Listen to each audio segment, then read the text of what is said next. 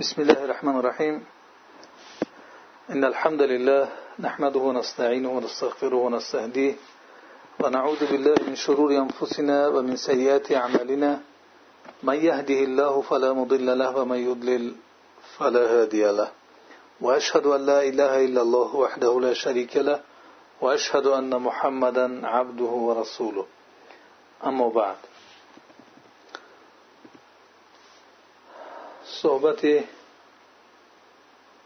امروزی ما ادامه از سیرت پیامبر صلی الله علیه وسلم است و ما تا حالا در مورد تربیه پیامبر صلی الله علیه وسلم اصحاب کرام را صحبت داریم و موضوعی که امروز مورد صحبت ما قرار خواهد گرفت این چگونه در عهد مکی اصحاب کرام در اساس بینای تعبدی یعنی عبادت کردن و از جهت اخلاقی آنها را تربیه نمود و بینای عبادتی و اخلاقی آنها در عهد مکی چگونه بود؟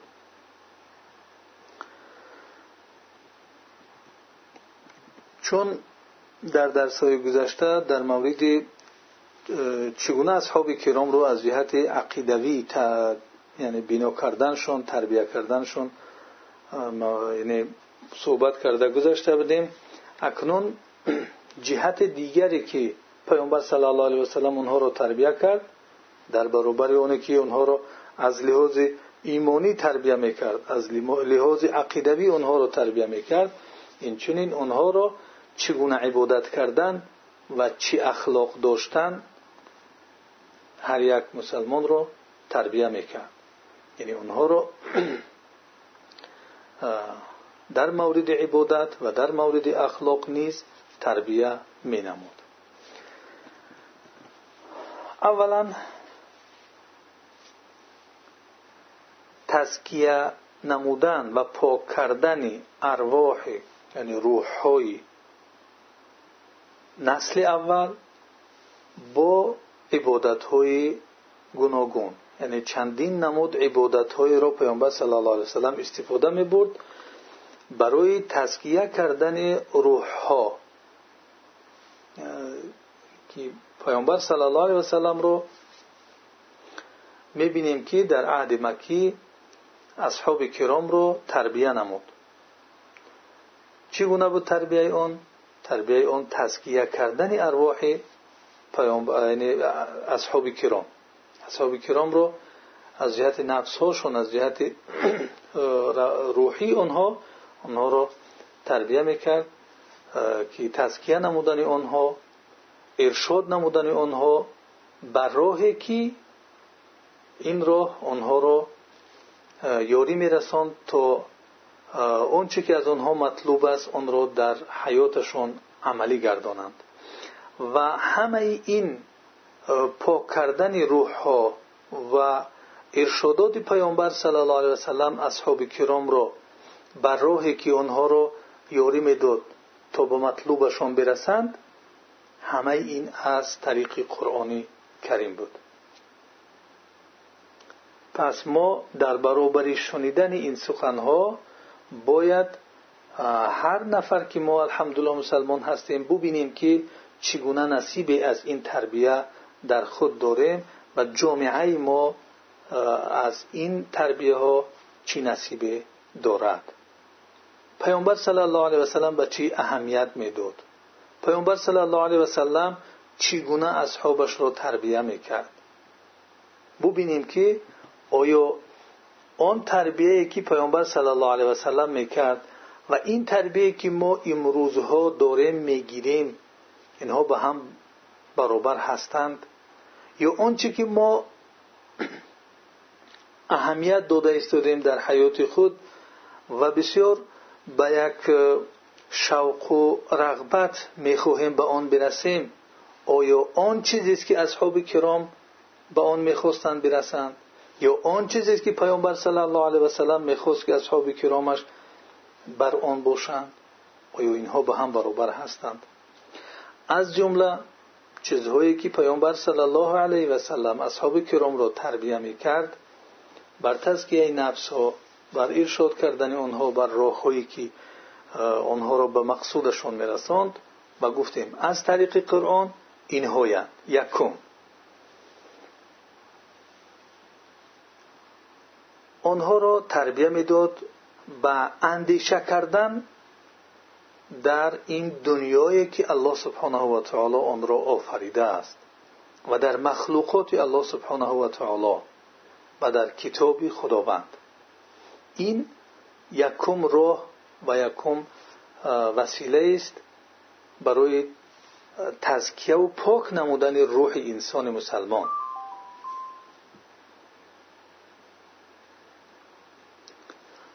تدبر در این مخلوقات خداوند که آفریده است آنها را.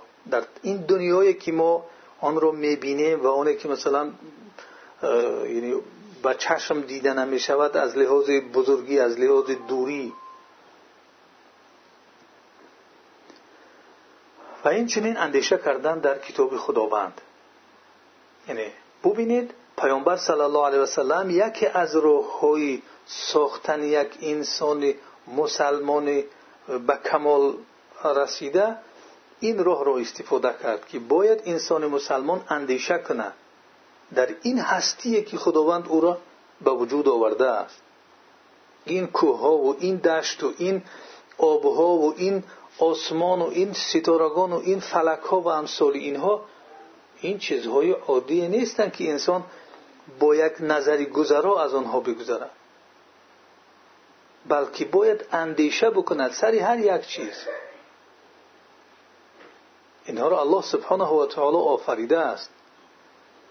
و از خلال قرآن برای اندیشه کردن سر اینها ما را فرمایش داده است و رهنمود کرده است. آیا به اشتر نظر نمی کنند که چگونه آفریده شده است؟ آیا این امر الهی نیست؟ و به آسمان که چگونه افراشته شده است و به کوه و به زمین همه اینها را الله سبحانه و تعالی امر کرده است در قرآن. که اینها یک نمونه هستند تو انسان مسلمان باید اندیشه بکند در مخلوقات خداوند. این اندیشه کردن در مخلوقات الله سبحانه و تعالی انسان ساز است. انسان رو میسوزه. انسان رو به خداشناسی می‌برد. با دیدن آن مخلوقات الله سبحانه و تعالی و اندیشه کردن سری آنها انسان به بزرگی الله سبحانه و تعالی پی می‌برد که چی ذات بزرگی است. و این چون این مقایسه کننده در چه کتاب خداوند. که کتاب خداوند را در هستی که خداوند آن را با وجود آورده است یعنی در این دنیا و مخلوقات او. و این چنین اندیشه کردن در کتاب خداوند. این یکی از راه بود. دوم وسیله و دوم راهی که اصحاب کرام رو تربیه می نمود این اندیشه کردن و تأمل نمودن در علم فراگیر خداوند. خداوند ذات است که علمش فراگیر است. و علم خداوند احاطه کننده است به کمال هر آن چیزی رو که در این وجود هست. هر چیزی که وجود دارد ما آن را می‌بینیم یا نمی‌بینیم. چی از خردی و چی از بزرگی است چی از نزدیکی و چی از دوریش علم الله سبحانه و تعالی همه چیز رو فراگیر است. بلکه آنچه که در عالم غیب و آنچه که در عالم شهادت میدیدگی هست آنچه دیده می شود و آنچه دیده نمی شود الله سبحانه و تعالی به همه اینها علم دارد. انسان مسلمان باید اندیشه بکند سر این علم الله سبحانه و تعالی که علم الله سبحانه و تعالی شامل است فراگیر است کامل است. همه آن چیزی که در هستی است همه رو می‌داند بلکه عالمی نهان و عالمی آشکارا همه را علم او فرا گرفته است. دوم چیزی که پیامبر صلی الله علیه و سلم برای تزکیه روحهای نسل اول استفاده می‌کرد این بود که آنها تأمل کنند اندیشه کنند سر این علم الله سبحانه و تعالی که الله سبحانه و تعالی علم فراگیری دارد که هر چه در دنیا هست آن را می‌داند اینها در نظر چیزهای عادی شاید نمایان شوند. ولی اینها هستند که انسان رو انسان می‌سازند وقتی که در راه اول که گفتیم که در دنیا اندیشه می‌کنه در مخلوقات خدا اندیشه می‌کنه در کتاب خدا اندیشه می‌کنه هر روز اگر این اندیشه رو انسان داشته باشد او البته با خداوند علاقه دارد. البته بزرگی الله سبحانه و تعالی در قلب او تاثیر می‌کنه. کسی که در دویم روحش که در مورد علم الله سبحانه و تعالی اندیشه می‌کند که علم او شامل و فراگیر است هر آنچه که در این هستی است. بلکه آنچه که در عالم شهادت و عالم غیب است همه آنها را می‌داند. وقتی که در مورد این علم تعمل می‌کند البته این انسان راهی را می‌گیرد که آن راه به خدا برده میرساند. سیوم راهی که پیامبر صلی الله علیه وسلم آنها را تربیه می‌کرد این به عبادت خداوند عز و جل آنها را تربیه مینمود. این از بزرگترین وسیله ها است برای تربیه روح. و از جهت قدر و منزلت هم بزرگترین وسیله است. عبادت الله سبحانه و تعالی بزرگترین وسیله تربیه روح و حتی از جهت قدر و منزلت هم بزرگترین و بالاترین وسیله است. چون که عبادت این خودش غایت خار گرفتن خود برای الله سبحانه و تعالی هست. یعنی با آخران نهایت که با آخران طاقت و درجه که انسان می‌تواند خود را در پیش الله سبحانه و تعالی خار زلیل خاکسار می‌گیرد عبادت این است که انسان خود را در پیش خداوند خار بگیرد و این خار گرفتن را که انسان خودش را در پیش این ذات خار میگیراند که این عبادت شماریده می شود جز الله سبحانه و تعالی کسی مستحق و سزاوار آن نیست. یعنی تنها الله است که سزاوار است پیش او انسان خودش را خار بگیرد ذلیل کند. غیر الله سبحانه و تعالی انسان به کسی در نزد کسی خود را خار و ذلیل نمی کند. زیرا که سزاوار عبادت مستحق عبادت تنها الله سبحانه و تعالی است. این سیوم راهی بود که پیامبر صلی الله علیه وسلم اصحاب کرام را تربیه می نمود. یعنی سیوم راه چی بود؟ عبادت الله سبحانه و تعالی. و این عبادت بزرگترین وسیله های تربیه روح گفتیم به شمار می رود و قدر و منزلت بسیار عالی را هم دارد. عبادت هایی که روح انسان را به درجه عالی برده می رسانند و نفس انسان را پاک می کنند دو نوع عبادت هستند. عبادت هایی که روح انسان را به درجه عالی می برند و نفس انسان را پاک می کنند دو نوع عبادت می باشند عبادت های نوع اول این عبادت های فرض گشته است. مثل تهارت مثل نماز مثل روزه مثل زکات مثل حج و امثال اینها. اینها عبادت هستند که از جانب خداوند برای بندگانش فرض گشتند. و این عبادت از تهارت نماز روزه زکات حج و امثال اینها اینها مکتب هایی هستند که بندگان خدا را به کمال انسانیت و به کمال بندگی برده میرسانند. یکی از راه های تربیه روحی بنده این عبادت است عبادت کردن آن ذاتی که به یگانگیش سزاوار عبادت است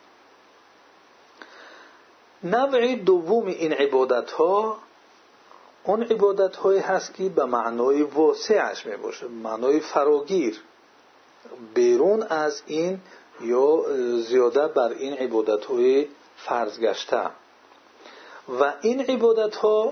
هر چیزی رو که دیگر در آن تقرب به سوی خداوند هست نزدیکی شدن به سوی الله سبحانه و تعالی هست آن رو در بر می‌گیرد که وقتی انسان این کار رو انجام داد به سبب آن به خداوند نزدیک می شود و صاحبش دارای ثواب می گردد و روح آن هم تربیه نیک می پس این عبادت ها چگونه که دیدیم روح انسان را به درجه عالی می بردارند و نفس انسان را پاک می‌کنند و اینها دو نوعند نوع عبادت های فرض و عبادت های عبادت ها به معنای وسیعش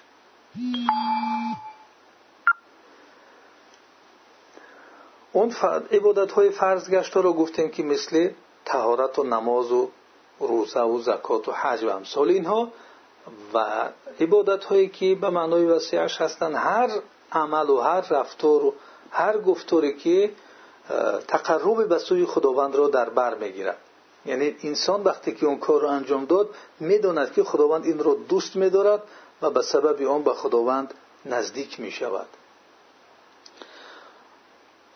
و در برابر این عملش ثواب داده می شود و روحش در نتیجه تربیه یافته یعنی به سوی نیکی می رود پاک کردن روح به واسطه نماز به واسطه خواندن قرآن به واسطه ذکر ذکر الله سبحانه و تعالی یعنی به پاکیات کردن خداوند یعنی تسبیح گفتن او اینها کارهای بسیار مهم در اسلام به شمار می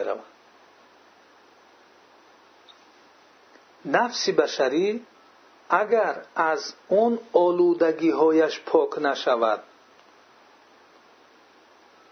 و به خالقش پیوست نشود وظیفه هایی که از جانب شریعت بر عهده او گذاشته شده است آنها را انجام داده نمی‌تواند.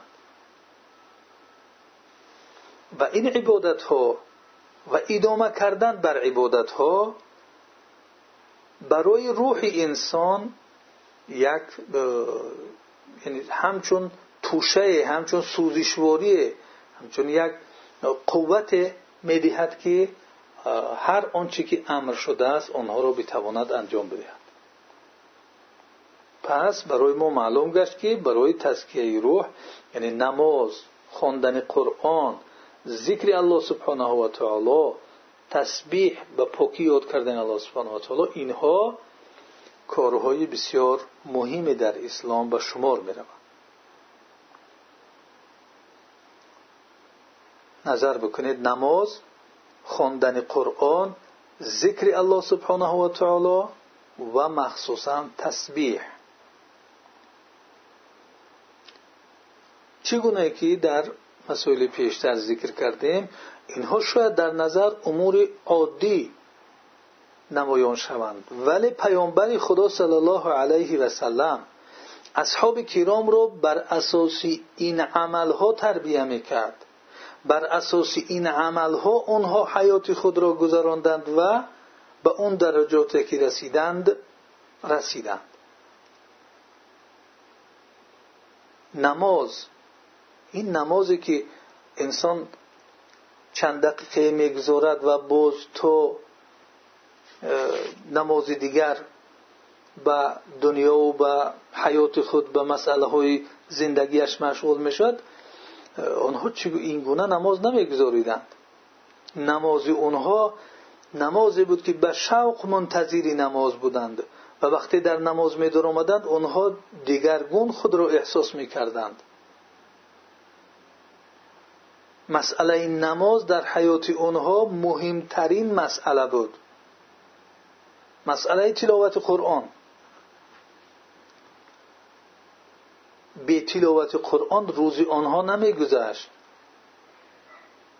آنها برای خود مقداری معینی از قرآن را تلاوت آن را حتمی گردانده بودند که میخواندند. و با شوق همیشه این را تکرار می‌کردند.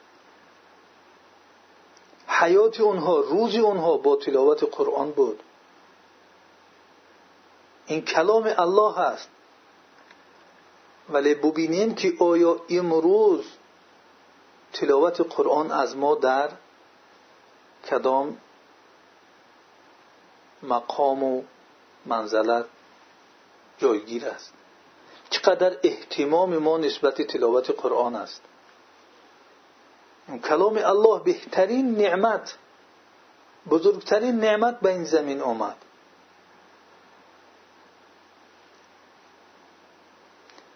مسئله دیگر ذکر الله سبحانه و تعالی. ذکر به آن معنای نیست که انسان یک تسبیح رو بگیرد و این یک جزئی اون معنای ذکر است. ذکر اصلا یاد الله است. بر یاد الله همیشه روز خود را آنها میگذراندند. وقتی از جای برمیخواستند صبح به نام الله برمیخواستند. یعنی به مجرد آنکه آنها روز خود را شروع می‌کنند آنها یاد می‌کنند اولا الله را.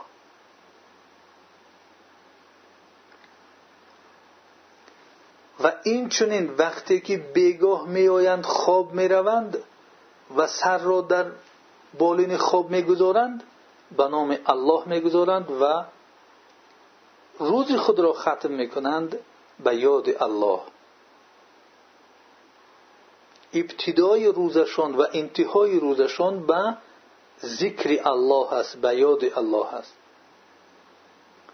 ذکر خداوند تنها اون نیست که بعدی نماز میگیم. این یک یکی از ذکرها است. و باید در یاد انسان همیشه باشد که من به نام الله میخیزم. خدا را شکر که مرا روحم را بار دیگر برگرداند و برای زنده ماندن برای من مهلت داد فرصت داد. و وقتی که انسان می‌خواهد از خانهش بیرون برد یاد الله می‌کند.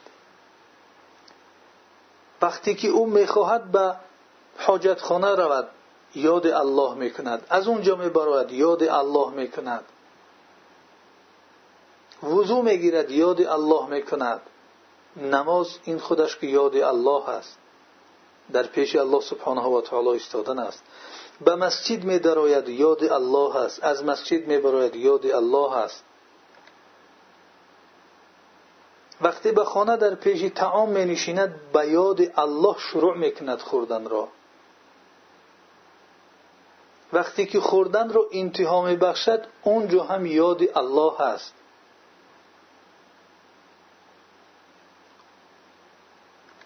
عموما در همه حالت هایی که انسان در حیات دارد باید یاد الله به او باشد و خداوند را به پاکی یاد بکند.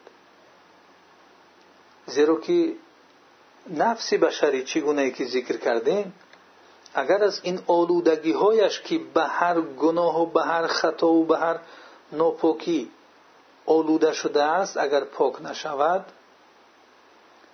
و به خالقش پیوست نشود وظیفه های از جانب شریعت بر عهده او گذاشته شده رو انجام داده نمی‌تواند.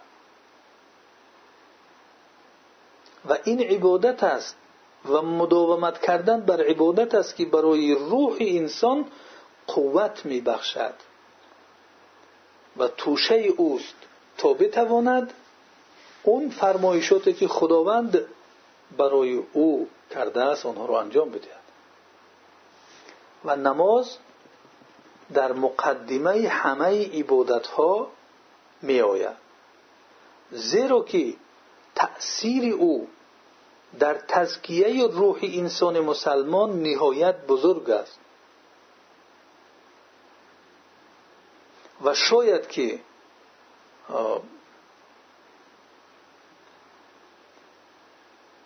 بزرگترین تأثیر رو که در اصحاب کرام و آن نسل اول رساند این نماز باشد.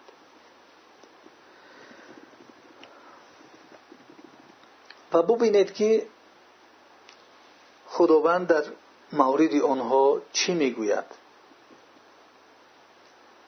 یکم که آنها امر خداوند را اجابت کردند و اظهاری بندگی و عبودیتشان را به الله سبحانه و تعالی نمودند.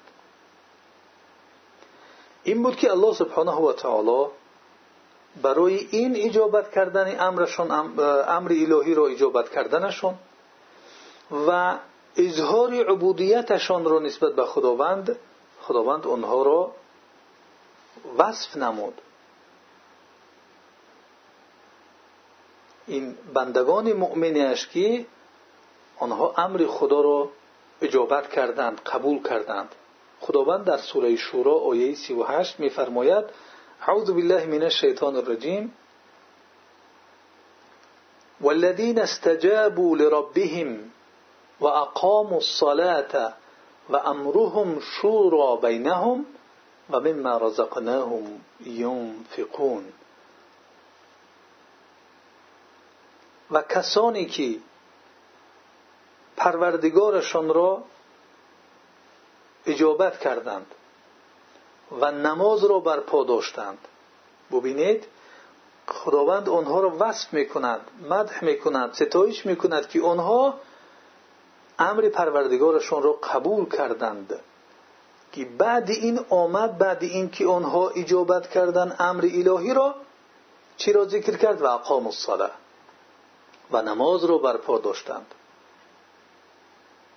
و امرهم شورا بینهم کاری اونها امر اونها چنین است که اونها میانی هم با مشورت کار را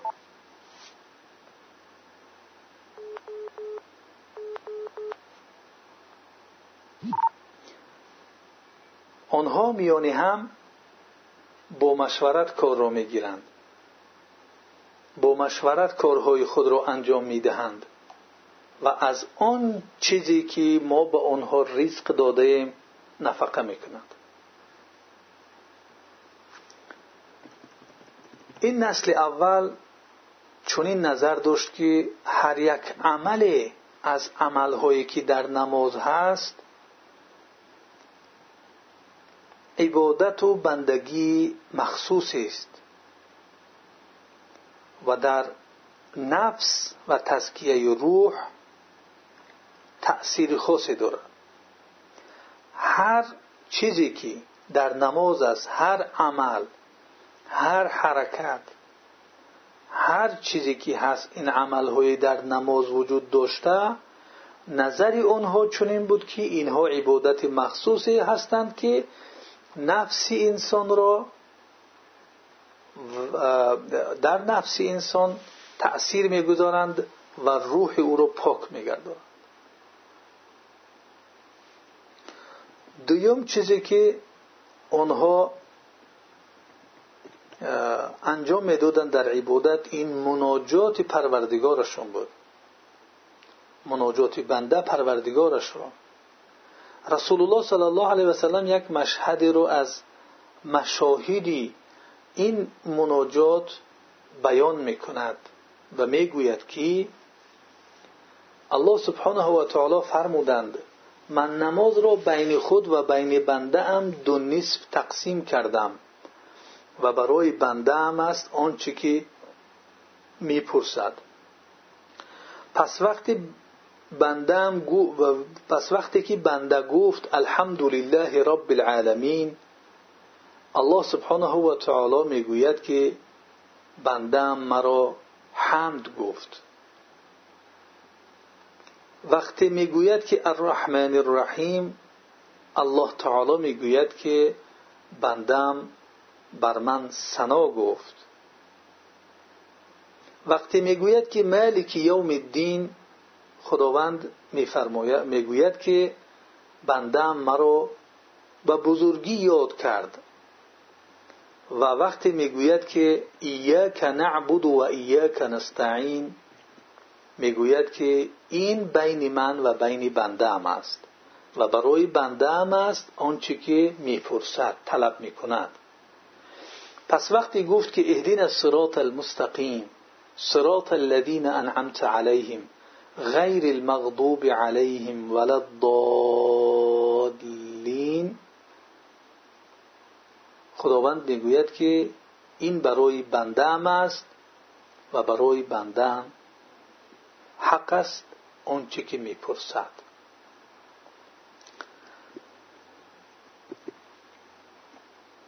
خب این بود مناجات بنده به پروردگارش. دیگرش آرامیش و اطمینان نفس و راحتی آن در عبادت است. یعنی ما دیدیم که در آن عبادت انسان مناجات پروردگارش را انجام می‌دهد.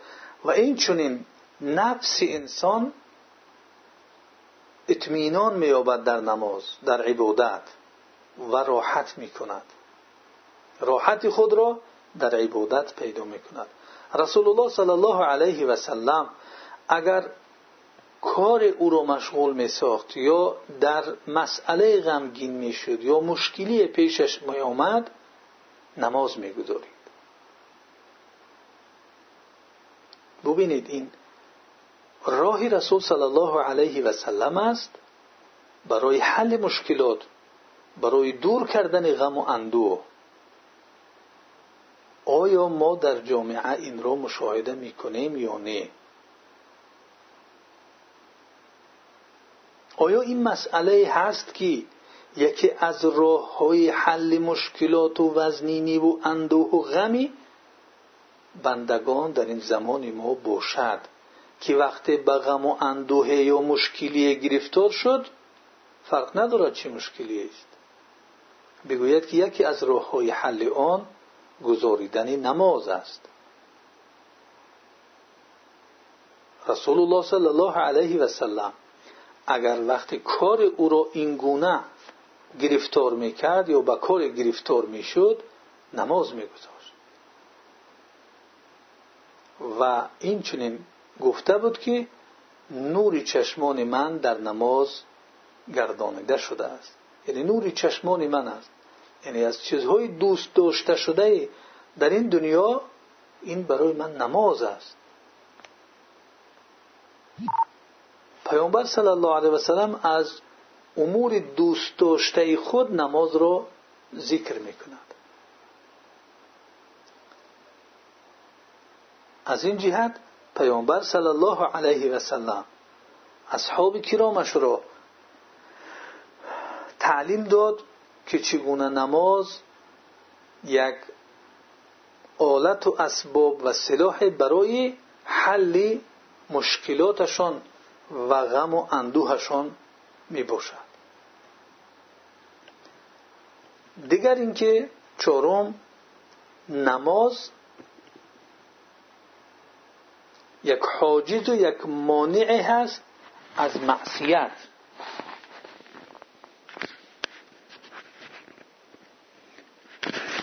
نماز مانع هست از معصیت. که چگونه گفتیم که این نماز از جمله عبادت هاست و بزرگترین عبادت هاست؟ که نماز از معصیت ها انسان را منع می کند مانع می شود بین بنده و بین معصیت. چگونه که خداوند میفرماید در سوره انکبوت آیه 45 اعوذ بالله من الشیطان الرجیم اتل ما اوحی الیک من الكتاب و اقم الصلاه ان الصلاه تنهى عن الفحشاء والمنكر ولذكر الله اکبر والله یعلم ما تصنعون. آنچه به تو وحی شده به سوی تو وحی شده از کتاب آن را تلاوت نما و نماز را بر پایدار که همان نماز از فحشا و منکر از زنا از کارهای زیشت و از کارهایی که منکر هست منع می‌کند نهی می‌کند و البته ذکر خداوند بزرگتر است و خداوند آن چیزی را که انجام می‌دهید یا آن کاری را که می‌کنید می‌داند. اصحاب کرام رضوان الله علیهم اجمعین وقتی که نماز را انجام می‌دادند نفس های آنها راحت می‌کرد. و برای آنها قوت میبخشید برای انجام دادن کارهای نیک و برای دور شدن از منکرات. از این جهت برای آنها همچون یک قلعه مستحکمی بود که آنها را از واقع شدن در معصیت ها نگه می داشت اصحاب کرام رضوان الله علیهم اجمعین وقتی که نماز را ادا می کردند نفس های آنها راحت می کرد آنها پیش از نماز بیاد نماز بودند و در وقت نماز آنها احساس می کردند به هر جزئی از نماز که عبادت مخصوص است و وقتی که از نماز می آنها احساس راحت می کردند و برای آنها این نماز قوه می بخشید که اینها را برای کارهای نیک انجام دادن تیله می داد و قوه می بخشید که هر منکری را که می دیدند آنها با این قوه از اون کار منکر خود را دور می گرفتند و این عبادت این نماز برای آنها همچون یک قلعه بود که آنها را حمایه می کرد تا در معصیت ها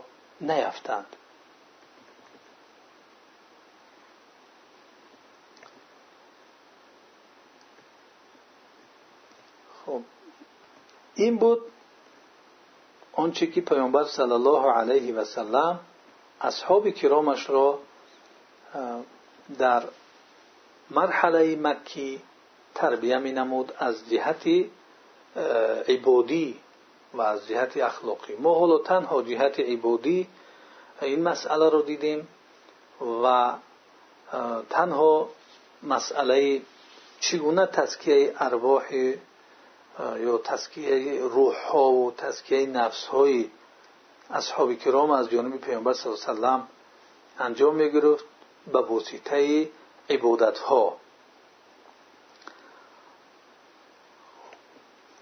و تأثیر این تربیه در حیات اصحاب کرام. در اینجا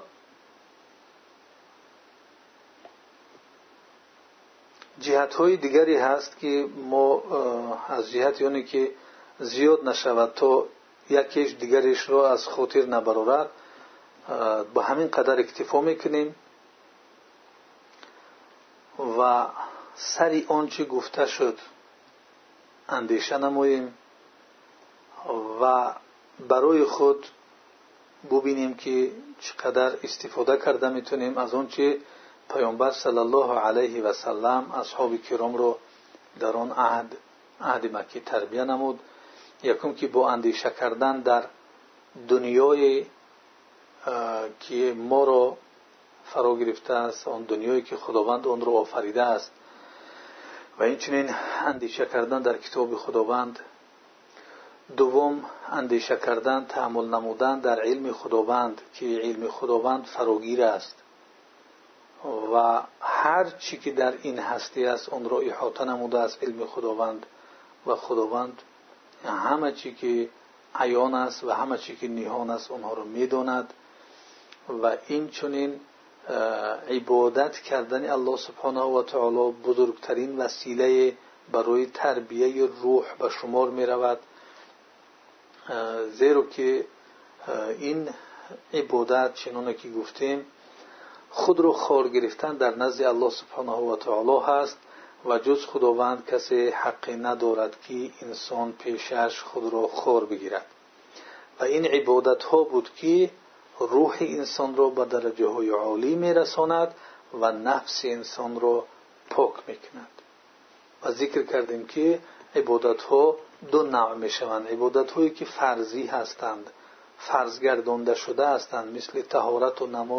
عبادت هایی که فرضی هستند فرض گردانده شده هستند مثل تهارت و نماز و روزه و زکات و حج و امثال اینها و نوع دیگری از عبادت ها است که اون به معنای وسیع عبادت می باشد و آن هر عملی است که به نیت به خداوند نزدیک شدن انجام داده می شود و بنده در بدلی یا در عوضی انجام دادن این کارش ثواب داده می شود. در نتیجه روح انسان